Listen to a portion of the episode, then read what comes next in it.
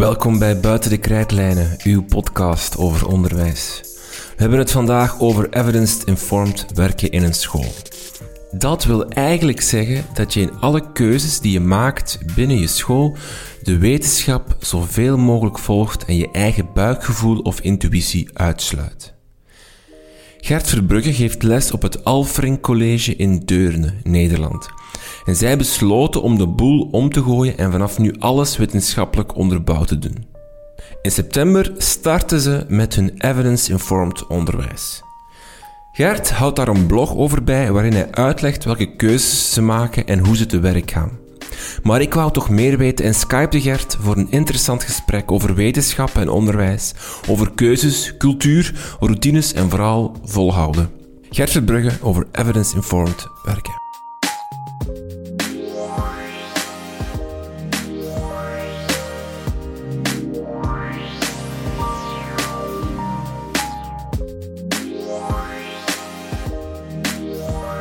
Dag Gert, ehm, jij, uh, jullie hebben de overstap gemaakt naar evidence-informed lesgeven dit schooljaar 2019-2020.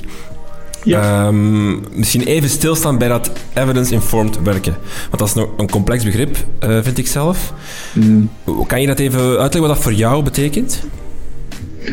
Um, concreet komt het eigenlijk op neer dat je gewoon de, de beslissingen die je neemt zoveel mogelijk, zoveel mogelijk onderbouwd gaat nemen. En uh, niet afgaat op uh, wat je denkt dat wel goed is of wat je, wat je gevoel zegt. Omdat dat best toch vaak uh, bedrieglijk is. Um, dat is eigenlijk wat bij mij neerkomt op evidence informed. Dat je er ergens op baseert. En dan moet het niet per se zijn van, want soms vragen mensen wel eens van waar is dan het, het onderzoek? zo makkelijk is het nu ook weer niet. Dus mhm. dat, ja. Dus, en wil dat dan zeggen dat je eigenlijk gewoon de voorbije jaren uh, je verdiept hebt in, in, in, de literatuur of, of uh, daarvoor gaan studeren bent? Of, of uh, hoe... Um, er is eigenlijk al heel veel te vinden. En dus eigenlijk de voorbije jaren heb ik, ik heb sowieso altijd heel veel gelezen over het onderwijs. En je, je, merkt altijd op, um, er zijn verschillende categorieën van boeken. En naarmate je meer leest, ga je ook merken dat je bepaald soort boeken Ehm, dat er meer overeenkomsten zijn. Dat er, kijk, ik, ben, ik heb een hele tijd, veel jaren lang, heb ik boeken gelezen van, van mensen die dan ehm, ja, heel goed lesgeven en dat zelf een boek erover schrijven. En dat zijn dan ehm, manieren van lesgeven die werken voor, voor hen, uh, met hun doelgroep, in hun situatie. En je kunt daar heel veel goede dingen uithalen, uh, die heel goed kunnen werken. Uh, maar vervolgens pak je een ander boek van iemand anders en die zegt dan eigenlijk weer dat je dat net niet moet doen, maar dat je eigenlijk vooral iets anders moet gaan doen. Eh, om het even een beetje extreem te zetten. En als je dan mhm. meer gaat kijken naar de evidence informed boeken, met uh, een wetenschappelijke onderbouwing, dan zie je dat daar toch wel heel veel overeenkomsten zijn. En dat er ja, heel kleine dingetjes misschien zijn waar nog discussie over is, of waarover wordt gezegd, ja, we moeten hier nog meer onderzoek over doen, en dat is prima. Maar over de, de algemene basis, hoe kinderen leren bijvoorbeeld en waar motivatie vandaan komt en dat soort dingen, daar is al heel veel onderzoek naar gedaan. En als je dan boek A pakt en je ziet dat in boek B hetzelfde wordt gezegd en in boek C ook en in D ook, ja, en dan, dan zie je toch wel dat er een samenhang begint te ontstaan. De laatste blogpost die je op dit moment uh, gedaan hebt, waarin je eigenlijk um, een beetje nadenkt over wat is nu evidence-informed lesgeven, waarin je ook bijvoorbeeld stelt dat school A evidence-informed kan lesgeven en uh, het zo werkt, maar school B eigenlijk ook en op een totaal andere manier kan werken. Dus er is niet een goed of een slecht. Uh, of het kan verschillen, evidence-informed werken. Klopt dat wat ik zeg? Ja, dat klopt. En dat is altijd, dat is altijd een heel tricky gebied, want er heel veel discussie over is natuurlijk. Uh, om het even, dus het wordt heel vaak zwart-wit geschetst tussen het evidence-informed en gepersonaliseerd leren. Dat, die twee staan vaak haaks tegenover elkaar. Um, en ik ben wel van mening, er is niet één systeem dat overal werkt. En ik ben ook van mening dat sommige systemen um, echt niet goed zullen werken of lang niet zo efficiënt zullen zijn als bepaalde andere systemen. Maar je hebt altijd een andere doelgroep. Je hebt een, situatie, zeg maar een hartje Amsterdam, is anders dan een dorpsschooltje ergens midden in het platteland. Um, de manier waarop die kinderen leren is exact hetzelfde. Die leren niet anders, maar het hele systeem eromheen. Um, als je bijvoorbeeld kijkt naar, naar het gedrag in de klas en hoe je dat gaat managen, ja, daar moet je wel aanpassingen in maken. Om even het voorbeeld van de Michaelis School te nemen. Zo extreem zou het bij ons op school niet hoeven te zijn, want dat hoeft helemaal niet. Hm, wat doen zij misschien dat, dat zo extreem uh, De Michaela School, dat is echt, ehm, zij zijn heel extreem. Ze hebben echt vanaf het begin, in de gang is het stil en alles wordt gemanaged. In de pauze wordt iedereen Um, heeft iedereen zit aan een vaste tafel met vaste gespreksonderwerpen en noem maar op. Alles is de, heel, heel veel structuur. En dat is voor die kinderen heel goed. Uh, maar dat hoeft niet voor, voor alle kinderen. Zeg je nu dat wat dat jullie doen, en waar we het straks over gaan hebben, uh, hmm. niet per se zomaar uh, transfereerbaar is naar bijvoorbeeld een, een, een school in een, in een andere context dan jullie school bijvoorbeeld? Um, nee, niet uh, één op één. Maar ik denk dat de principes erachter, de achter, die erachter liggen wel. Mhm. De principes erachter wel. Maar en hoe je die omzet is natuurlijk afhankelijk van de situatie. Mhm. Je vertelt ook dat bijvoorbeeld de, de realiteit of de praktijk soms wel eens in de weg kan staan van um, doorgedreven evidence-informed werk, omdat het soms gewoon uh, praktisch niet doenbaar is of dat, dat het uh, stuit op, op uh, de realiteit die daar niet in meegaat. Mm Ja, klopt. Het is niet allemaal. Um, ja, ik, ik, weet niet of, het, of ik het in een blog heb geschreven, maar ik vergelijk het een beetje met een, met een voetbalelftal. Hè. Je kunt wel de elf allerbeste spelers neerzetten, maar dat betekent niet dat ze een goed team vormen. Mhm. En eh, zo werkt het ook met, met dit, is mijn ervaring nu. Hè? Dat je kunt niet op alle vlakken uh, het, het, uh, de keuzes maken die het meest effectief zijn op basis van de, het onderzoek. Dat kan niet, want dan ga je dingen hebben die gewoon elkaar aan de weg zitten. Zo heb ik het tenminste ervaren. Die elkaar ook tegenspreken? Of, of Nee, niet tegenspreken, maar het gewoon praktisch. Hè? Uh, kijk naar de praktische kant. Ik bedoel, um, het, het, punt van huiswerk bijvoorbeeld. Ja, het, um, de manier waarop wij huiswerk geven op school is bijvoorbeeld dat kinderen alleen thuis leerwerk krijgen. En dat, dat doen ze met kennisoverzichten. En ik weet dat dat niet altijd de meest effectieve manier um, is, of de meest efficiënte manier is. Dat weten we. Maar als je dan gaat kijken met, je geeft huiswerk op wat eigenlijk in het verlengde van de les ligt, zeg maar een, stuk extra inoefening thuis. Dan kom je weer tegen andere praktische zaken aan. Dat, dat elke docent um, zelf huiswerk gaat opgeven. Dat een kind plotseling op een dag twee uur huiswerk heeft en op een andere dag heeft hij niks te doen. En dat is dan de praktische kant. Die ik, uh, dus die zitten elkaar ons een beetje in de weg. Bij op mhm. school hebben ze nu standaard één uur huiswerk, leerwerk. Voor elk vak heeft de eerste klas hetzelfde huiswerk. Mhm. En dat geeft rust en structuur. Het is dan even een andere keuze, maar... Uh, ja. ja. En is het dan gewoon heel helder hebben welke keuze, of wat je belangrijker vindt dan het andere, bijvoorbeeld? Want hier vind je eigenlijk het belangrijker dat leerlingen elke dag een gematigde hoeveelheid huiswerk hebben. En niet dat ze verspreid over... Uh, dat ze bijvoorbeeld op dinsdag heel veel huiswerk hebben en op maandag dan weer niets. Ja, klopt. Het, is, het zijn keuzes die je maakt. En dat is ook toen wij het systeem hebben gepresenteerd, ook aan de ouders en aan, aan, aan de collega's, eigenlijk we vragen ook gewoon aan, ouders en aan, mensen die op bezoek komen, vraag maar waarom we dit doen. En dan, het is, het is belangrijk dat je altijd kunt uitleggen waarom doen we dit. En ik kan ook heel goed uitleggen waarom we die keuze maken voor het huis bijvoorbeeld. Ik kan heel goed uitleggen waarom wij keuze maken op vlak van gedrag. Ik kan uitleggen waarom. En niet omdat ik denk dat het werkt. Mhm. Ja, maar dat, ja, dat schrijf je in je blog ook. Eigenlijk, wat, wat de grootste verandering is, is dat we aan docenten zijn gaan vragen, of je kan nu aan docenten vragen, waarom doe je dit? En dan komt er een evidence-informed, een, een wetenschappelijk, uh, wetenschappelijke uitleg waarom je dit doet. Ja, ja er komt een onderbouwde uitleg. Ja. En zorgt dat dan niet dat er ook, dat er ook geen keuze meer is?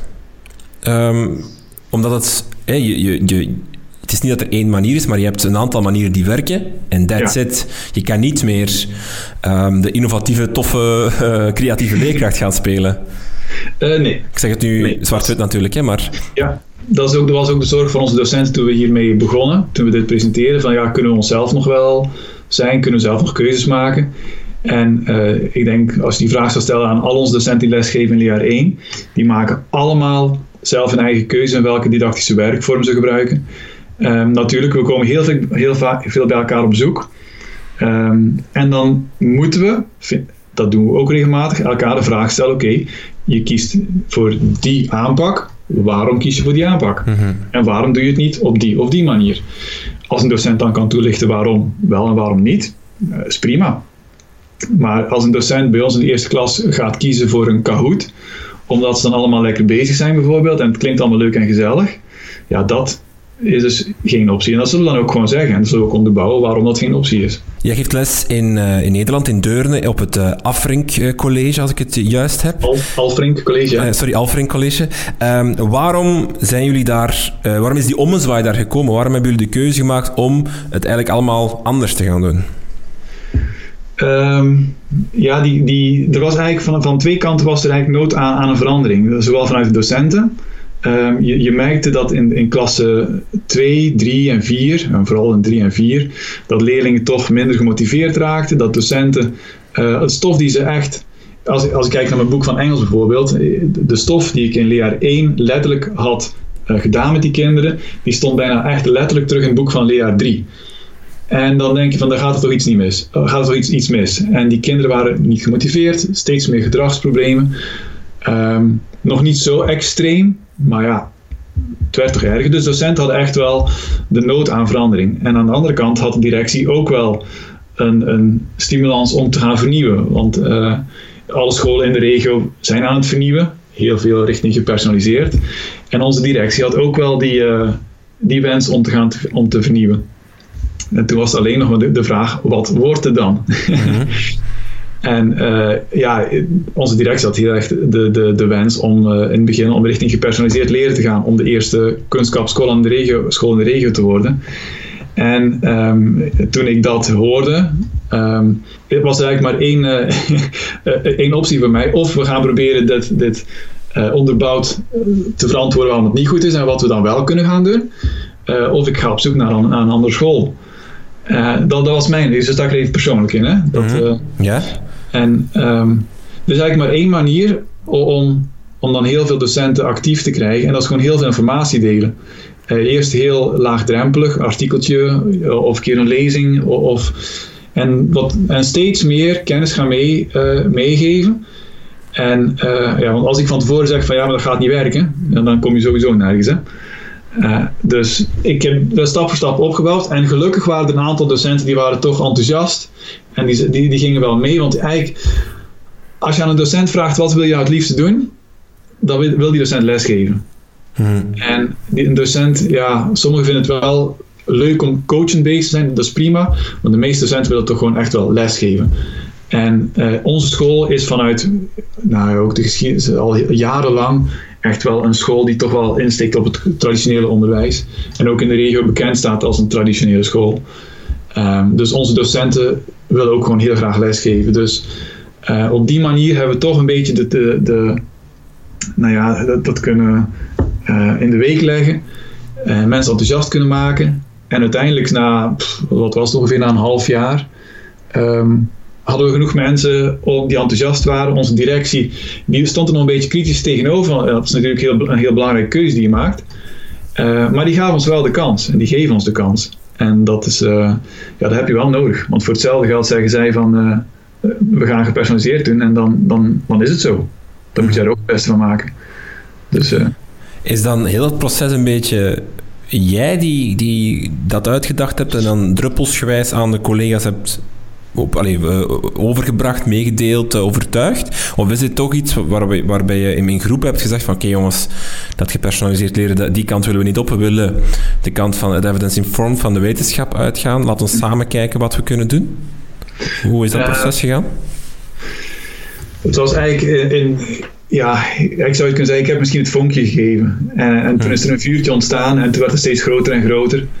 En um, uiteindelijk hebben in, zeg maar, weet je, in september, in de maand september begon dat zo'n beetje op te spelen, dat gepersonaliseerd en die vernieuwing. En het was in januari dat ik een presentatie heb gegeven van het hele systeem zoals wij het voor ogen hadden met een groepje docenten, dus wat we graag wilden doen. Dus dat hebben we dan met, met een klein groepje uitgewerkt en dat hebben we gepresenteerd aan, aan, aan de rest van het personeel. En, um, en, zo is, en die mensen waren heel enthousiast, want die zagen wel ook een oplossing voor de problemen die ze, die ze hadden of hebben. Hmm. Dus uh, ja, toen, was, toen ging het eigenlijk vanzelf. Hmm. Toen mochten docenten zich aanmelden en toen uh, ging het balletje rollen. Hmm. Uh, is, is, dat misschien de kern van het feit dat je oplossingen hebt gepresenteerd voor, voor problemen die, die leerkrachten hadden of die leerkrachten zagen? Ja, dat denk ik wel. Dat denk ik wel. Ik denk, ik, ik, ga ook al 15 jaar lang mee in het onderwijs en ik heb best al een aantal vernieuwingen meegemaakt. En heel veel vernieuwingen die boden een, een oplossing voor een probleem wat eigenlijk nog niet was. of wat, wat mensen niet ervaren. En, en mensen nu bij ons op school ervaren het probleem wel. Die zien ook wel dat kinderen niet zo goed leren of, en dat ze niet gemotiveerd zijn. En uh, nogmaals, als je het goed kunt onderbouwen waarom je dingen doet en je ziet dat, dat, dat het op elkaar aansluit, dat het één heel, geheel is, dat verhaal, dan krijg je mensen wel mee. Dus uh, ja, ik denk dat dat heel belangrijk is. Dat je wel, dat die behoefte er is en dat je een oplossing geeft voor een probleem wat mensen hebben. Hmm. Ja. Want dat is, vind ik misschien nog een, een moeilijke. Uh, ik heb ook nog wel al eens een, een onderwijsboek of twee, drie gelezen en ik vind het heel moeilijk om uh, want wat jullie erin geslaagd zijn, is om daar een samenhangend geheel van te maken. Je leest een boek over, over werkgeheugen en dan weet je hoe dat werkgeheugen werkt, bij wijze van spreken. En dan lees je een boek over uh, straffen en belonen en dan weet je hoe dat de wetenschap achter straffen en belonen zit. Maar jullie hebben dat eigenlijk allemaal samengeklikt tot één uh, geheel, dat eigenlijk klopt, zal ik maar zeggen, als ik het lees. Ja, voorlopig wel, ja. ja is dat iets wat je... Hoe, dat, dat, hoe, hoe doe je dat? Is dat gewoon iets dat komt doordat je het heel veel overleest en, en dat je inderdaad een paar keer hetzelfde leest en, en overtuigd geraakt? Of is dat iets toch waar je echt hebt, hebt moeten puzzelen van, oh, pas op, als we dit doen, dan botsen we wel met de wetenschappelijke praktijk die we weten over dit? Mm -hmm. uh, het begint sowieso met heel veel lezen, heel veel lezingen kijken, heel veel met mensen spreken, um, discussies aangaan over zaken, uh, kijken naar voorbeelden, uh, kijken naar andere scholen, hoe zij het aanpakken. Kijk naar, dan, kijk, ik heb vooral gekeken ook naar excellente scholen in, in Engeland en daar veel, veel over gelezen. Wat zij dan doen, dan zie je toch heel vaak dat die toch wel gemeenschappelijke dingen hebben. Uh, en dan van daaruit, ja, het is net zoals je een, een, schema opbouwt in je, in je hoofd. En op een bepaald moment begin je te zien. Hè, en dan ga je, ga je nadenken. Ik, ik kan je echt vertellen, toen wij dit aan, het, aan het opzetten waren in dat jaar. Ik heb zowat elke routine 10, 20 keer langsgelopen van ja, oké, wat nu als dat gebeurt? En wat nu als dit gebeurt? En vervolgens gebeurt dat. En, je, je loopt gewoon alles langs in je hoofd en je probeert alles af te dekken. En uiteindelijk krijg je in je hoofd wel een, een systeem. En dan, dan zie je ook echt voor je hoe het eruit moet komen te zien. Maar dat kun je alleen maar doen door inderdaad heel veel te lezen en ook heel veel dingen opnieuw te lezen. En mhm. hetzelfde verhaal op een andere manier te horen, eh, met een andere insteek, met andere voorbeelden. En, en op die manier kom je wel, ja, kom je stap voor stap tot een geheel. Maar ik heb inderdaad wel eens met mensen praat die zeggen van ja, kun je me niet uitleggen hoe dit werkt? En dan verwachten ze dat ik in, in, in een lesuur of in, in, in, een dag even uitleg hoe dit werkt. Ja, dat, dat, dat, gaat niet lukken. um, je stelt dat voor, er zijn mensen enthousiast om te zien van het is een oplossing voor de problemen die we, die we hebben. Uh, mm. uh, maar dan, uh, jij begrijpt alles, jij hebt alles in de vingers, zal ik maar zeggen. Je, nee, die, die, die niet alles, nee, niet alles. Maar hoe moet je dan leerkrachten of, of, collega's gaan omscholen, gaan bijtrainen? Ja. Hebben jullie daar veel op ingezet? Ja, die, uh, zeg maar die presentatie voor collega's was in januari. In februari zijn we begonnen met de eerste scholingen. De eerste, ja, gewoon. En dat is gewoon heel simpel. Die eerste scholing gaat over het waarom. Hè. En dat begin, begon met een hele uitleg over het werkgeheugen bijvoorbeeld. Want dat is echt ook een van de, van de, de pijlers. Daar ga je vanuit. En van daaruit ga je steeds mensen meer informatie geven, zodat zij ook kunnen zien waarom je bepaalde andere keuzes maakt. Um, waarom is het dan rustig op de gang? Waarom moet het rustig zijn op de gang? Uh, waarom zijn die routines zo belangrijk? En je koppelt dat allemaal aan die, aan die theorie die ze hebben geleerd. En dan gaat het ook meer leven bij de mensen. En dan ga je verder vervolgens de praktische keuzes gaan maken. Oké, uh, we willen nu dat dit en dat, uh, dat die routines er zijn. Oké, wat willen we dan precies dat ze, even als, als voorbeeld, wat moet de leerling allemaal precies in een etui hebben? En wat mag er dan? En dan ga je heel in detail echt gaan kijken. En ja, vandaar, ja, het bouwt steeds verder uit. En, en, het is echt heel mooi om te zien als docenten ook merken dat die, uh, dat het gaan, dat, nou ja, dat die kennis er is. Dat ze zelf ook gaan inzien van, oh ja, en dan kunnen we dit en dit doen. En dan worden, dan worden ze zo enthousiast.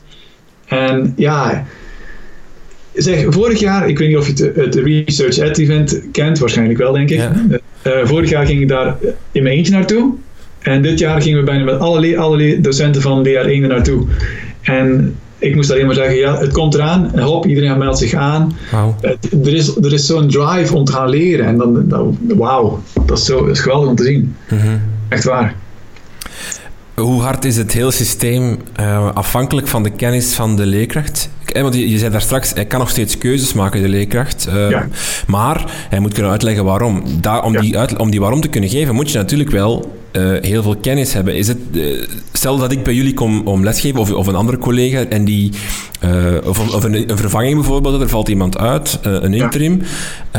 Hoe hard gaat die dan toch kunnen meegaan in jullie systeem? Of zal die eerst, bij wijze van spreken, een, een crash course of een stoomcursus um, um, evidence-informed lesgeven moeten volgen?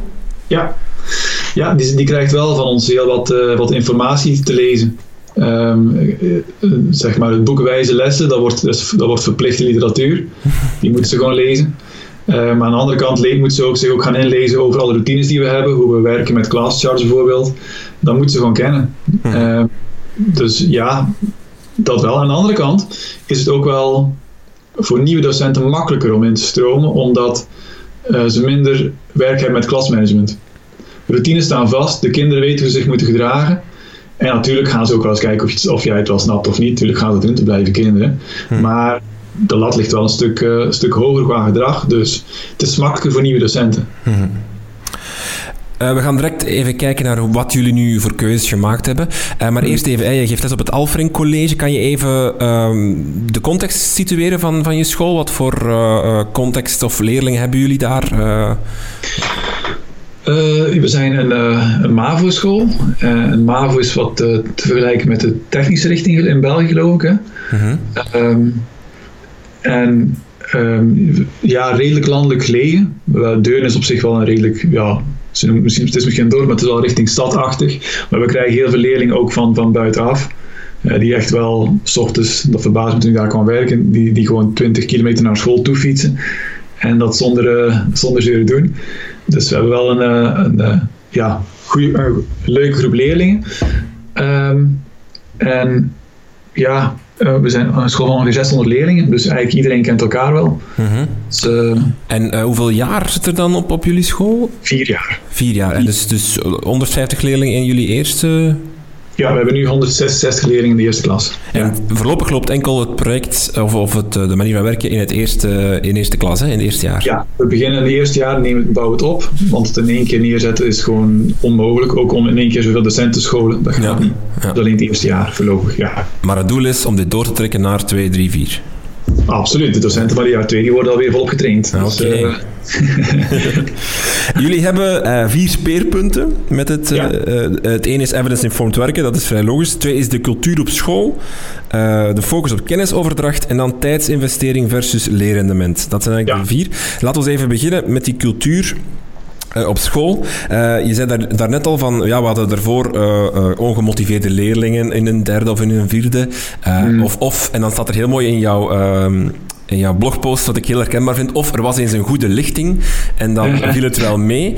Um, wat jouw uitgangspunt, als ik het goed begrijp, is eigenlijk, dat bestaat niet, een goede lichting. Het is door de cultuur op school dat we een goede lichting, lichting gaan creëren of gaan maken. Absoluut. 100%. Ja. ja. Um, het is misschien heb, ja, ja zeg maar. we hebben nu toevallig een goede lichting. ja, natuurlijk. Ja. Maar jullie zitten daar hard op in, op het neerzetten van een cultuur. En die cultuur is, als ik dat mag zeggen, um, uh, focus op kennisoverdracht. En jullie willen niet de meest leuke of funky of, of creatieve school zijn. Jullie willen de school zijn die uh, het beste de kennis overdraagt naar de leerlingen. En de leerling ja. die dan eigenlijk het meeste kennis opdoet. Ja.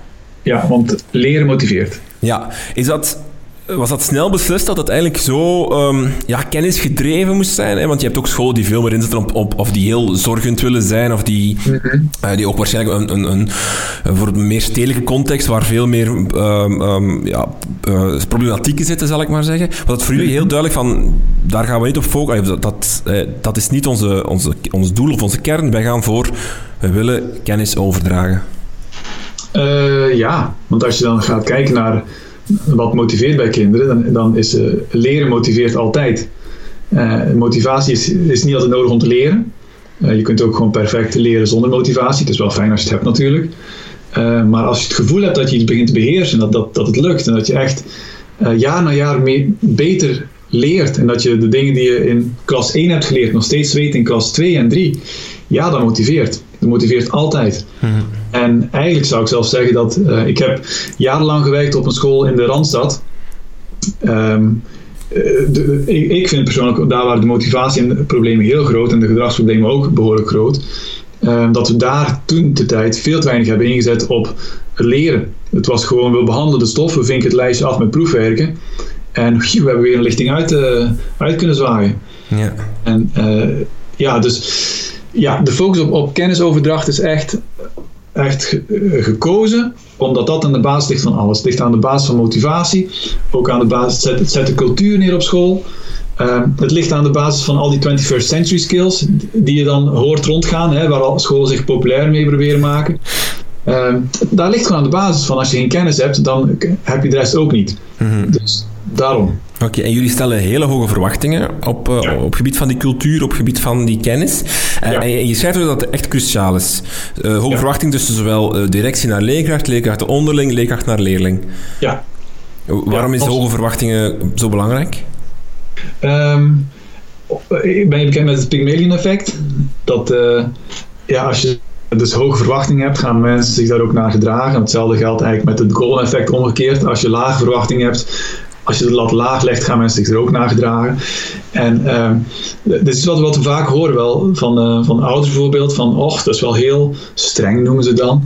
we leggen de lat dan heel hoog, dat gaan ze niet kunnen. En uiteindelijk zie je dat gewoon al die kinderen het wel kunnen. Dat ze gewoon voldoen aan de verwachting, of, of op zijn minst proberen te voldoen aan de verwachting. En datzelfde geldt ook voor de, van directie naar, naar een docent uit. Als je als, als directie zegt dat je docent goed lesgeeft op het moment dat zijn klas alleen maar gewoon rustig is, nou, dan leg je de lat wel erg laag, vind ik, voor je docenten. Mm en dan gaat de docent zich daar ook naar gedragen, uiteindelijk. je zult wel docenten hebben die gewoon heel gemotiveerd les blijven geven en die lat hoog voor zichzelf gaan leggen. Maar ik vind ook dat je als, als directie, als leidinggever, moet je dat doen, ook voor je docenten. En als docent voor je leerlingen. Mm die cultuur, die, daar zetten jullie heel hard in op gedrag, structuur en uh, routines.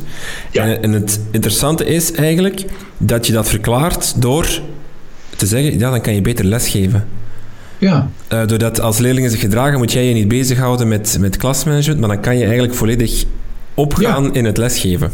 Ja. Het is mooi dat je, hoe je alles eigenlijk... Um, dat dat kennis inderdaad, die kennisoverdracht, dat dat steeds terugkomt in de keuzes die je maakt. Mm Ja, het is uh, ja, iets wat ik heel vaak zeg tegen mensen die kritisch zijn. Uh, je kunt, als je bij ons in de les komt kijken, in, in de gang zie je dat docenten bezig zijn met, met de les. En als ik mijn lessen geef, dan kan ik bezig zijn met welke vraag ga ik stellen aan welke leerling. En waar, wat snapt hij wel, wat snapt hij niet, waar zitten de meest gemaakte fouten. Um, maar als ik moet lesgeven in een, in een derde klas, waar het systeem nog niet draait, dan ben ik bezig met, hey, pak je boeken, heb je het al ingevuld, hey, waar is je pen? Um, ik heb ook een werkgeheugen wat beperkt is, dus ik kan ook niet alles tegelijk uh, in mijn hoofd vasthouden. Dus daar kan ik veel minder inzetten op al die soort dingen, al die dingen, waardoor die kinderen ook minder gaan leren en weer minder gemotiveerd zijn. Mhm. Want ze merken dat ze toch minder leren. En in klas 1 zie je gewoon, ja, je hoeft in klas 1 eigenlijk nooit te zeggen van, even stil. Je kunt gewoon lesgeven. Hmm. En je telt af 3, 2, 1 en het is stil. En je gaat door. Uh, je schrijft ook op je blog. Wanneer een, een docent eigenlijk uh, een klas niet in de hand kan houden, moet je niet in de eerste instantie naar die docent kijken, maar wel naar de cultuur waarin het blijkbaar mogelijk is dat een leerling zich zo misdraagt. Um, Ik vind dat een heel interessante denkpist, omdat het eigenlijk, er ligt, uh, ook in Vlaanderen is, is er uh, merk ik uh, nog veel taboe rond klasmanagement. Als dat niet lukt en klas niet in de hand houden als leerkracht, voelt het aan als, als falen. Is ook echt, denk ik, vind ik een van de meest vreselijke dingen om mee te maken. absoluut. Uh, maar je, je, je, projecteert het vaak heel hard op jezelf. Hè. Je, ik faal, ik, krijg, ik hou ze niet in de hand, dat lukt mij niet. Terwijl jij ja. nu eigenlijk zegt van, hm, niet zo. Het is eigenlijk de cultuur op school, dus overkoepelend, schoolcultuur, die ervoor zorgt dat dit kan ontstaan. Ja, ja dat. Uh, ja, het is eigenlijk een, uh, een uitspraak ook die. Uh, die vind ik dat die schoolleiders zich, zich mogen aantrekken. Hoop ik dat ze zich aantrekken omdat heel vaak, heb ik zelf ook meegemaakt, als, als er lesobservaties zijn, dan wordt gekeken of jij als docent wel de rust kunt bewaren in de klas. Dus iedereen staat er, staat er uh, alleen voor als je het zo bekijkt. En um, eigenlijk is dat zonde, want er is eigenlijk al zo'n docententekort. En je gaat dus eigenlijk ervoor zorgen op die manier dat docenten die echt heel goed kunnen lesgeven, maar niet zo sterk zijn in klasmanagement, wat kan, dat die dus geen les kunnen geven. Dus je mist hele goede docenten door, door zo erin te staan. Mhm. En het, het is ook gewoon zo. Ik bedoel, waarom zou een, een stel een leidinggevende, die, een, een, teamleider of weet ik veel, die, waarom zou die tolereren dat leerlingen zich misdragen in het lokaal van een, van een docent? Waarom stap naar binnen, zeg er wat van en zeg dit accepteren we hier niet op school, doe er wat mee. In plaats van te kijken van hoe zou die docent het oplossen. Nonsens. Als ik langs een, als, niet, ik zeg nu ik, maar dat doen mijn collega's in leerjaar 1 ook. Als, als zij zien dat een leerling, bij ons is het dat is iets minder, maar dat een leerling tijdens mijn uitleg er doorheen fluistert, dan moeten ze mij lokaal binnenkomen en, en, en, en zeggen: Oké, die leerling die krijgt in dit geval die merits als wij dan werken, want die praten doorheen. We doen dat als team. Die gaat niet kijken naar mij van: Goh, heeft hij het wel gezien of niet? Je, je kunt als docent niet alles zien. En ik ben er echt rotsvast van overtuigd als een klas zich, uh, zich weigert te gedragen bij jou, omdat ze jou niet aardig vinden of weet ik veel wat, dan kun je ook niet goed lesgeven. En dan mag je nog zeggen, ik ben zo'n goede docent, dat lukt je niet. En, en docenten die zeggen dat ze dat wel, dat hen dat wel lukt, nou, gefeliciteerd, mooi, maar je helpt daar geen docenten mee die het heel lastig hebben voor de klas. Ehm, dus ik vind ook, als een docent zegt, ik heb die klas wel in de hand. Kom eens bij mij kijken hoe ik het doe. Dat is de meest waardeloze tip die je mij ook kunt geven. Dat meen ik echt. Dus ja, dat, dat klinkt misschien voor sommigen een beetje van oh, ho, ho, dat is niet. Maar dan, meen ik echt, ik heb echt jarenlang lesgegeven, ook basiskader, klas 3, 4, heel moeilijke leerlingen. En in, in een sfeer waar elke docent er ja, zelf voor stond.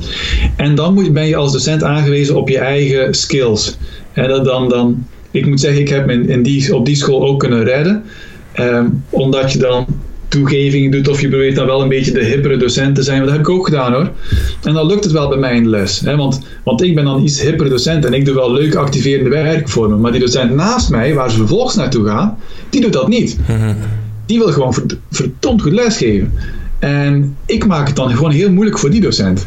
En ik vind als leidinggevende moet je er gewoon voor zorgen dat elke docent goed les kan geven. En dat geen docent zich genoodzaakt voelt om de hippe, leuke docent te zijn, omdat die kinderen zich anders niet gedragen in de klas. Hmm.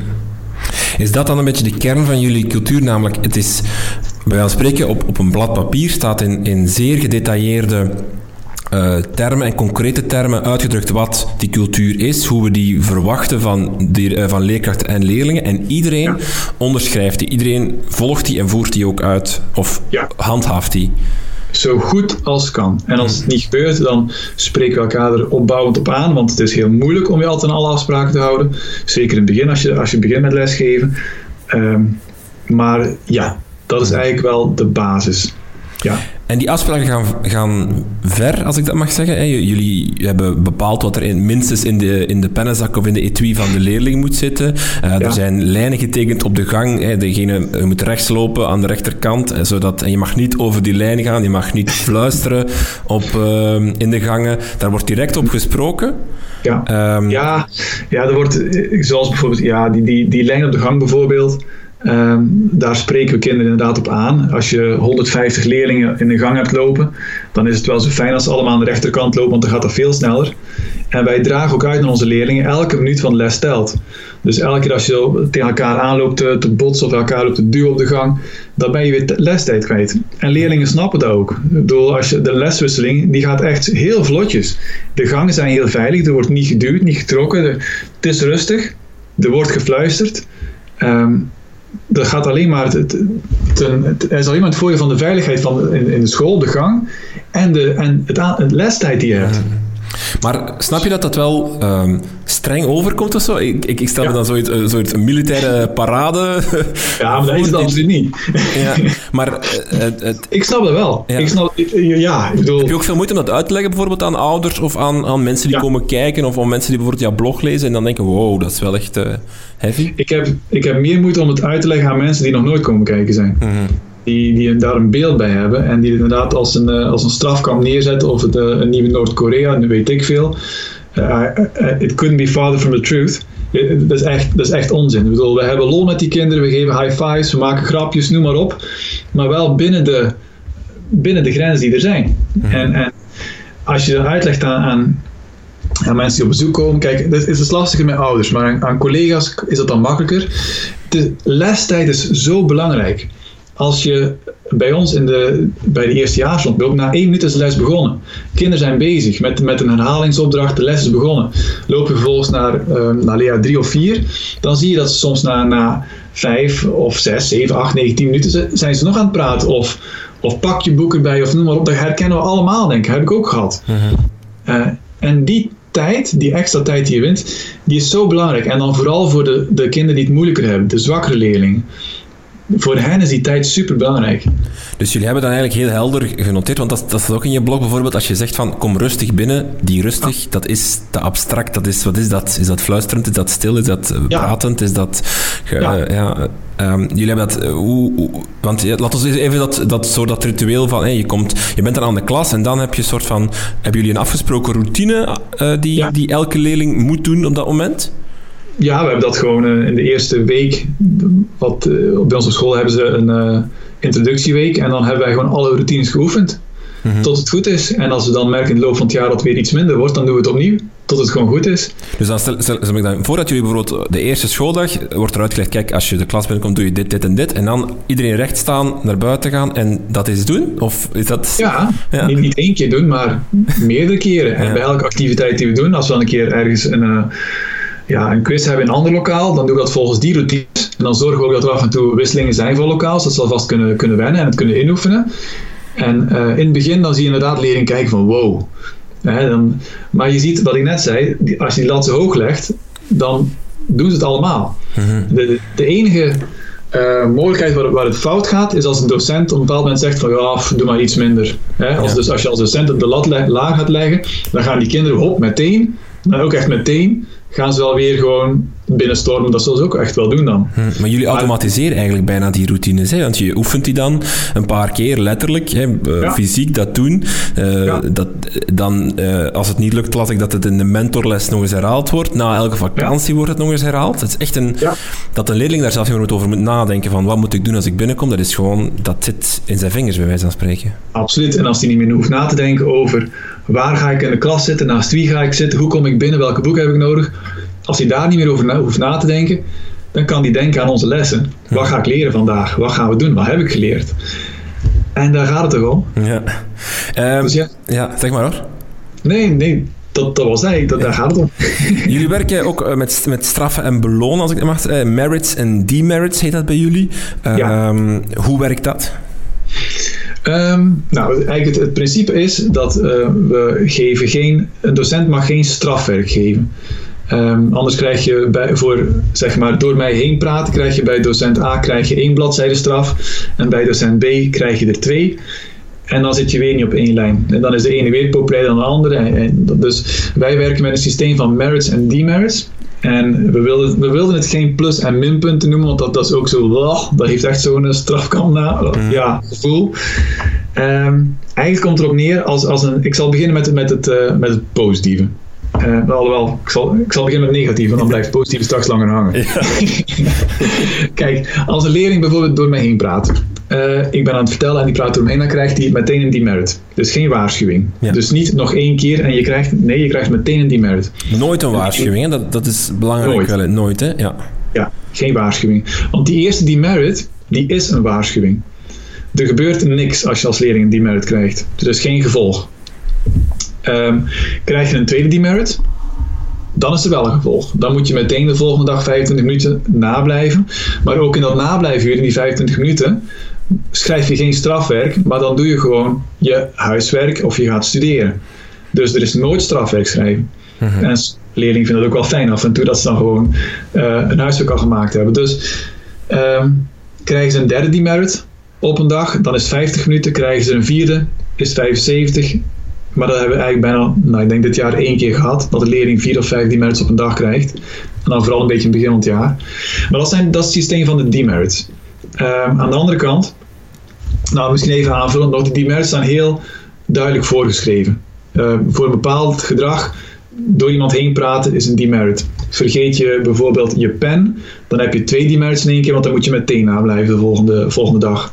Dus dat staat heel strak voorgeschreven en leerlingen ja, die hebben, ook, nou, hebben dat ook geleerd. Die, die weten exact voor welke overtreding hoeveel, ze, hoeveel die merits krijgen. Hmm, dan communiceren jullie ook naar de leerlingen toe, bij, dank bij spreken een lijst uit van pen vergeten, 2 demerits, uh, ja, praten. Dat, ja. ja, dat weten ze heel goed. Dat, uh, en er is bijvoorbeeld, als ze mobiel bij zich hebben, bij ons op school moeten mobiels in de, in de kluisje zitten. S ochtends in de kluisjes, smiddags er pas uit. Hebben ze mobiel bij zich, dan krijgen ze meteen 3 demerits. Dat is ook de zwaarste straf die we dan hebben. Want dan moeten ze meteen 50 minuten nablijven.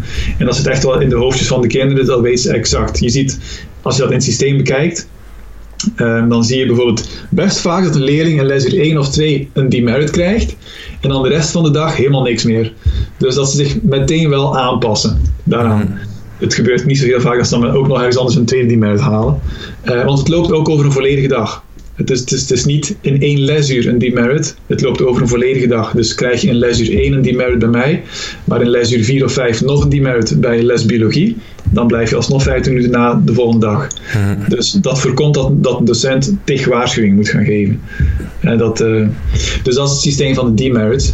Aan de andere kant hebben we het systeem van de merits. En de, kijk, het is een beloningssysteem wat we hebben, want we hebben ongeveer op dit moment 75% merits en 25% demerits. Dus we geven veel meer merits dan demerits.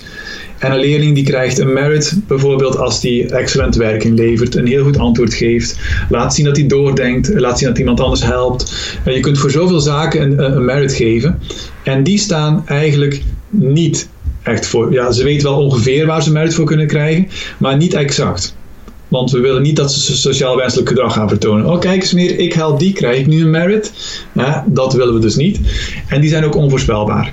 Dus het kan zijn dat iemand uh, een, een, toets uh, terugkrijgt of een toets maakt en die heeft 10 op 10 en zegt van jij krijgt een merit en de andere heeft ook 10 op 10 en zegt ja, jij krijgt nu geen merit, want voor jou is dat... Kan, ja. kan zijn, ja. ja. En dan uh, wordt er altijd bij gezegd waarom die merit krijgt. Bijvoorbeeld, ik zie dat iemand een 9 op 10 haalt voor zijn oefentoetsje. Nou, dan krijg jij van mij een merit, want ik zie dat je er heel hard voor gewerkt hebt. Um, iemand anders heeft 10 op 10, maar je weet dat hij sowieso heel goed is in Engels, en dan krijgt hij even geen merit. Mhm. En in het begin is dat voor leerlingen een beetje, uh, een beetje frustrerend soms, uh, maar daar wennen ze heel snel aan. Mhm. En dat, dat, gaat wel goed. En het leuke is met die merits kunnen ze, we hebben een beloningswinkeltje. Uh, dus ze kopen ook echt dingen met die merits. Uh, ze, ze kopen er een pen mee, een, nieuwe, een nieuw wisbordje, uh, een geodriehoek, een schrift, een map. We hebben nu ook een broodje voor in de kantine. Ehm, dus ze kopen er ook allemaal dingetjes mee. Dus het is echt wel een beloningssysteem. Mm, dat, ik, ik, las zelfs een uitstap naar Amsterdam. Op, ja, ja, dat klopt. we hadden met de derde klas hadden we een uitstap naar Amsterdam. En er was in, in de bus waren nog volgens mij 13 plaatsen over.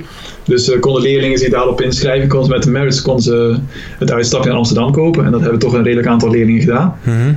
uh, maar dat is geweldig, dat is leuk om te zien.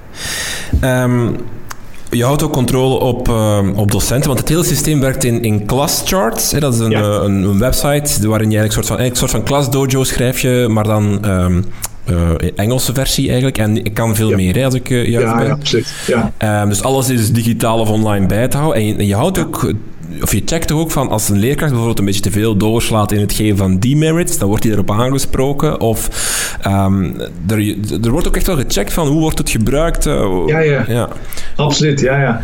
Het is, het is, als, je, als je een maand lang merits en demerits geeft, is het als docent heel lastig in te schatten hoe, die, hoe jouw verhouding is. Dat is heel moeilijk te zien hoor. Dat, dat voor, soms voelt het voor jezelf alsof je veel meer merits of demerits geeft, terwijl de verhouding in, in het echt heel anders is. Dus, dus ze krijgen af en toe een, een overzicht doorgestuurd van de, van de verhouding, merits en demerits.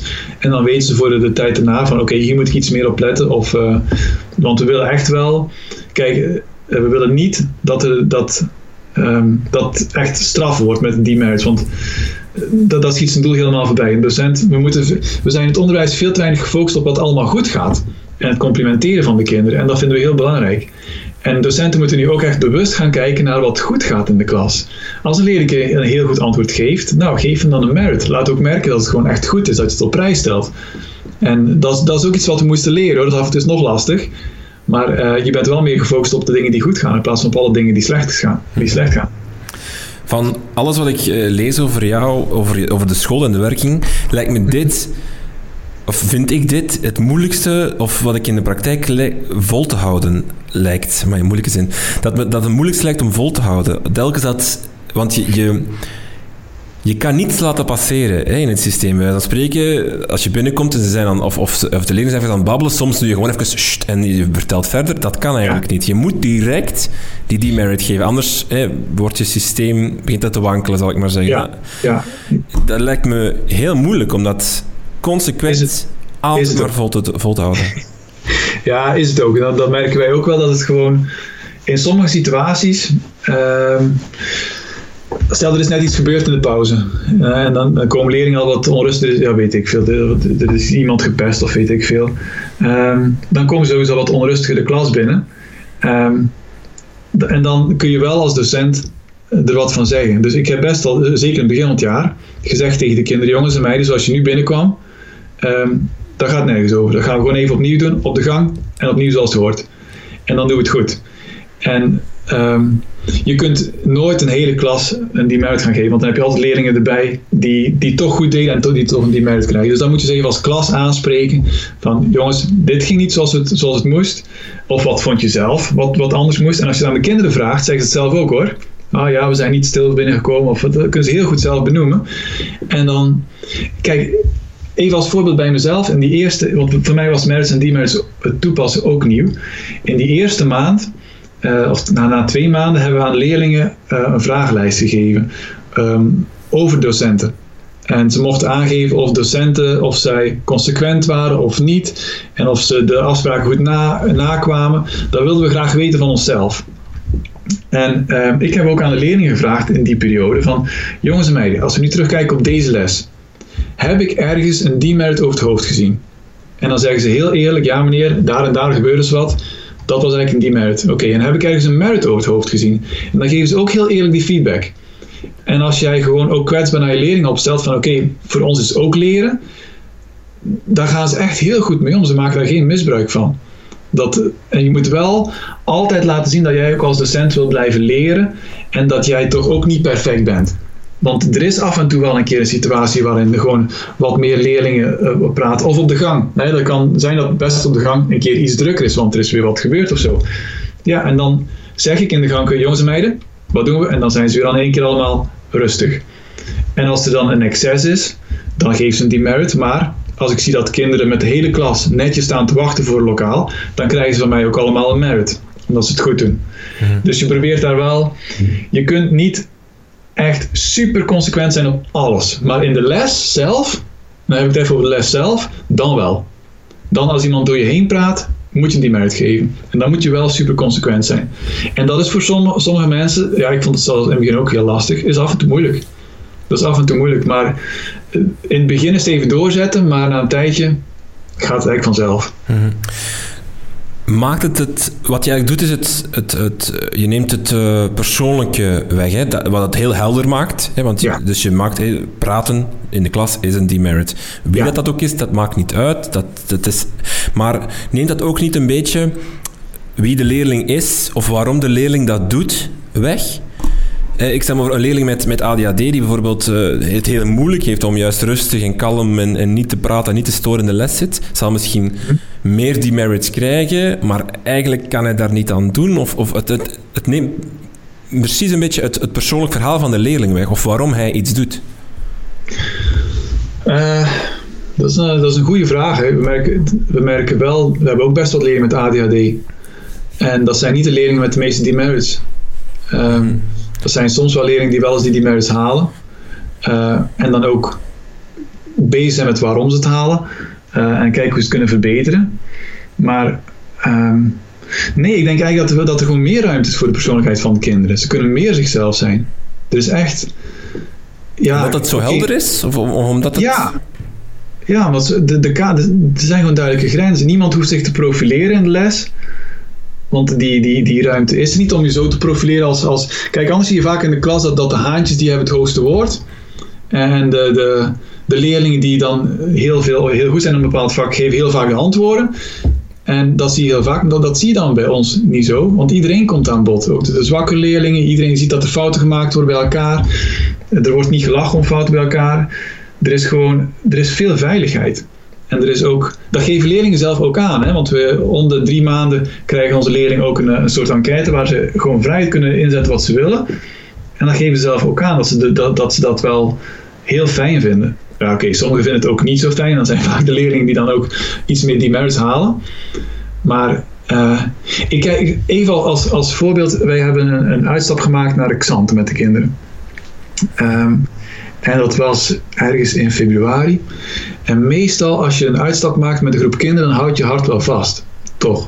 Ook wij hoor. En we gingen, en we gingen naar, naar een museum waar, waar ze best een, een, een lange rondleiding kregen over de, over de Romeinen. En ook niet altijd even interessant. Ik moest zelf ook mijn best doen om uh, mijn aandacht erbij te houden. Maar dan zie je toch dat al die kinderen heel netjes, heel gefocust blijven. Uh, stil zijn als, ze, als, als die, die mevrouw uitleg geeft.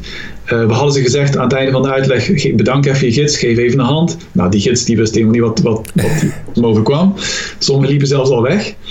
En, maar dan, dan zie je wel dat die kinderen wel zichzelf kunnen zijn. En ook heel blij zijn dat het gewoon zo, ja, dat ze zich zo kunnen gedragen. Dat zie je echt.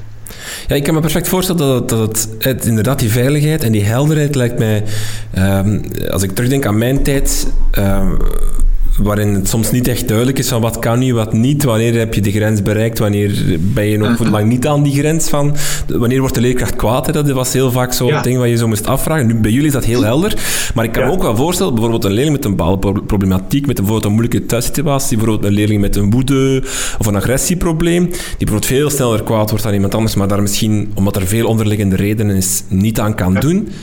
Wat ik me afvraag is, één, is het een systeem dat voor alle leerlingen eh, zal werken, denk je? En twee, laten jullie bijvoorbeeld ook uitzonderingen toe? Bijvoorbeeld een leerling met een bepaalde problematiek, waarvan wordt gezegd, jongens, houden die merits een beetje, uh, allez, of houden ze een beetje af, want die persoon of die leerling zit met die, dat probleem ja. waar hij niet aan kan doen. Ja, um, er zijn eigenlijk twee verschillende uh, situaties. Als een leerling een persoonlijk probleem heeft, bijvoorbeeld, dat doen we hoor, dat uh, oma is ziek of er is iets gebeurd thuis, dan gaat er wel een mailtje rond naar de docent of een berichtje. En dan wordt inderdaad wel gezegd van, joh, um, houd er even rekening mee. Uh, dat doen we zeker, absoluut. Maar dan gaan we ook wel in gesprek met die leerling. dan, dat, dat is heel belangrijk. Maar eigenlijk, we hebben, en dat is, dan, dat is dan zeg maar een persoonlijke situatie bij een leerling als iets gebeurd is. Um, aan de andere kant kun je ook zeggen, er is een leerling met een agressieprobleem. Bij ons, toen ik de dossiers doornam van de kinderen, en waren er een stuk of vier, vijf, waar, waarop de baas had aangegeven, deze jongen heeft echt agressieproblemen. Nu, echt, je, je mag op school rondlopen, je gaat ze er niet uithalen. Mm het is maar waar je die lat legt. En zeker bij die agressieproblemen of, of gedragsproblemen, als ik mij ga aanpassen aan die, aan die agressieproblemen, dan ga ik eigenlijk iets meer faciliteren. En um, als jij gewoon zegt, één, je, je, um, stel die leerling heeft dat, een agressieprobleem in de klas. Die krijgt één demerit, die krijgt twee demerits en die krijgt een derde demerit in dezelfde les, dan zet je hem op de gang. Dat is de regel. Dan gaat hij uit de les. Oké, dat, is, dat is streng. Maar ik kan twee dingen doen. Ik kan zeggen, oké, okay, weet je wat, kom er toch maar binnen. Want ja, jij hebt een gedragsprobleem, hè, dus jij bent een beetje moeilijk. Ik kan ook zeggen, nee, je blijft buiten. En we gaan straks, gaan we even kijken hoe je de volgende keer in die situatie, hoe je anders zou kunnen gaan reageren. En dan zal hij in de volgende keer situatie misschien nog een keer zo reageren, maar hij zal merken, oké, de straf is weer exact hetzelfde. Ik zal toch iets anders moeten gaan doen. Mhm. En je gaat wel, kijk, het is heel belangrijk als je die, die, die merits geeft en dat kind moet nablijven, dat je daarna in gesprek gaat en gaat kijken, oké, hoe kunnen we nu samenwerken om dat de volgende keer te voorkomen? En dat is super belangrijk. En dan zie je uiteindelijk, we hebben één leerling en die was uh, wereldrecordhouder die merits in, in, september, oktober en dat, die moest echt elke dag na, nablijven. Dat we zelf ook dachten van, jeetje mina. Uh, maar je blijft in gesprek met dat kind gaan en van zodra hij dan een keer twee dagen heeft zonder die merits, dan, dan geef je dan een merit voor doorzettingsvermogen, voor voorbeeldgedrag en je meteen de goede dingen belonen. En echt de, de voorbije maand, zeg maar, voor schoolsluiting, hij zat misschien nog één keer in de week, zat hij nablijfuur. Al de rest ging gewoon super. En dan ga je weer naar hem toe en zeg je, hey, kijk, is goed gedaan. En je laat ook zien hoe dat gaat. En je ziet die kinderen ook gewoon trots zijn daarop. Dus... Um, Nee, we leggen de lat, als ze gedragsproblemen hebben, leggen we de lat niet per se lager. Want je kunt ook een kind met gedragsproblemen um, ja, kijk, in, het boek van, van Michaela, uh, Battle, of of the Tiger Teachers, ik weet niet of, je het boek kent, Ehm, daar staat een, eh, hoofdstuk ehm, No Excuses Policy. Dus ze hebben eigenlijk geen smoesjes. Uh, ze gaan geen excuses verzinnen voor de kinderen. Als een kind dyslexie heeft, kun je bijvoorbeeld zeggen van oké, jij moet wel, je hebt dyslexie, dus maak het iets makkelijker voor je. Maar je kunt ook gewoon zeggen, weet je wat, jij moet dezelfde doelen bereiken, maar we gaan je wel helpen om die doelen te bereiken. En dat is iets anders. En dat doen we met die kinderen met gedragsproblemen ook. De, de lat ligt net zo hoog voor die kinderen, maar we gaan ze wel helpen om daar te komen. En als het niet lukt, dan ga ik gespecialiseerde hulp in. Dat, uh, dat kan natuurlijk altijd gebeuren. Mm Alright. Um, de tweede pijler, die focus op kennisoverdracht. Um, jullie doen eigenlijk uh, aan beheersingsleren. Ja. Uh, kan je even uitleggen wat, wat je daaronder verstaat? Uh, beheersingsleren is in principe dat, dat je ervan uitgaat dat een kind uh, echt de stof op, op, de lange termijn kent. Dus het zit in het lange termijn geheugen. En als je iets aanleert in week 1 van het schooljaar, dan kent hij het nog steeds in de, in de laatste week van het schooljaar. Uh, en beheersingsleren is dus echt iets heel goed onder de knie hebben, geautomatiseerd hebben. En dan, dat is beheersingsleren. En je gaat dus ook pas verder als je ziet dat kinderen het kennen en kunnen. Dat wil dus niet zeggen dat, dat je verder gaat als iedereen 8 op 10 haalt op, op, een, op een toetsje na een week die les geven. Want dan weet je niet of dat ze het kennen op de lange termijn. Allee, of was het... Nee, dat betekent wel dat je na een week wel een stukje erbij kunt pakken. Hmm. Maar dat je na twee, drie weken wel het eerste stuk opnieuw gaat testen. En als je ziet dat het dan nog steeds met 8 op 10 is, dan kun je wel weer verder gaan. Maar als je ziet dat, dan, dat het dan niet uh, gekend is, als het al een stuk vergeten zijn, dan, dan pik je het opnieuw op. En dan mm. ga je er opnieuw mee aan de slag. Maar dat wil eigenlijk zeggen dat jullie, jullie volgen geen methode of, of handboek of dergelijke. Jullie, eh, als lekker bepaal je zelf wanneer je van het volgende onderwerp gaat. En het kan dus zijn dat je wordt voor een lange tijd of voor een langere tijd dan bijvoorbeeld voorzien of voor wat de bedoeling is, mm. um, blijft hangen bij een bepaald onderwerp omdat de klas er nog niet mee weg is. Ja, um, kijk, voor, voor Engels volgen we geen methode. Uh, daar hebben we het boek overboord gegooid. Um, andere vakken volgen wel de methode, uh, maar die hebben wel uh, een boek aangepast. Dus die gaan niet van, van voor naar achter een boek door, door een boek heen. Dus ze moeten echt een beetje gaan schuiven en extra oefenmateriaal erbij halen. En, dus het boek is niet meer zo, leid, zo, leidend als voor voorgaande jaren. Um, dus ja, daar komt eigenlijk op neer. Mhm. Je moet gewoon veel flexibeler zijn. Mhm. De vraag is eigenlijk, wat is nou, wat is nou belangrijk? Dat, dat gaat, gaat het erom dat je het boek hebt doorgeworteld? Of gaat het erom dat dat kind al geleerd heeft?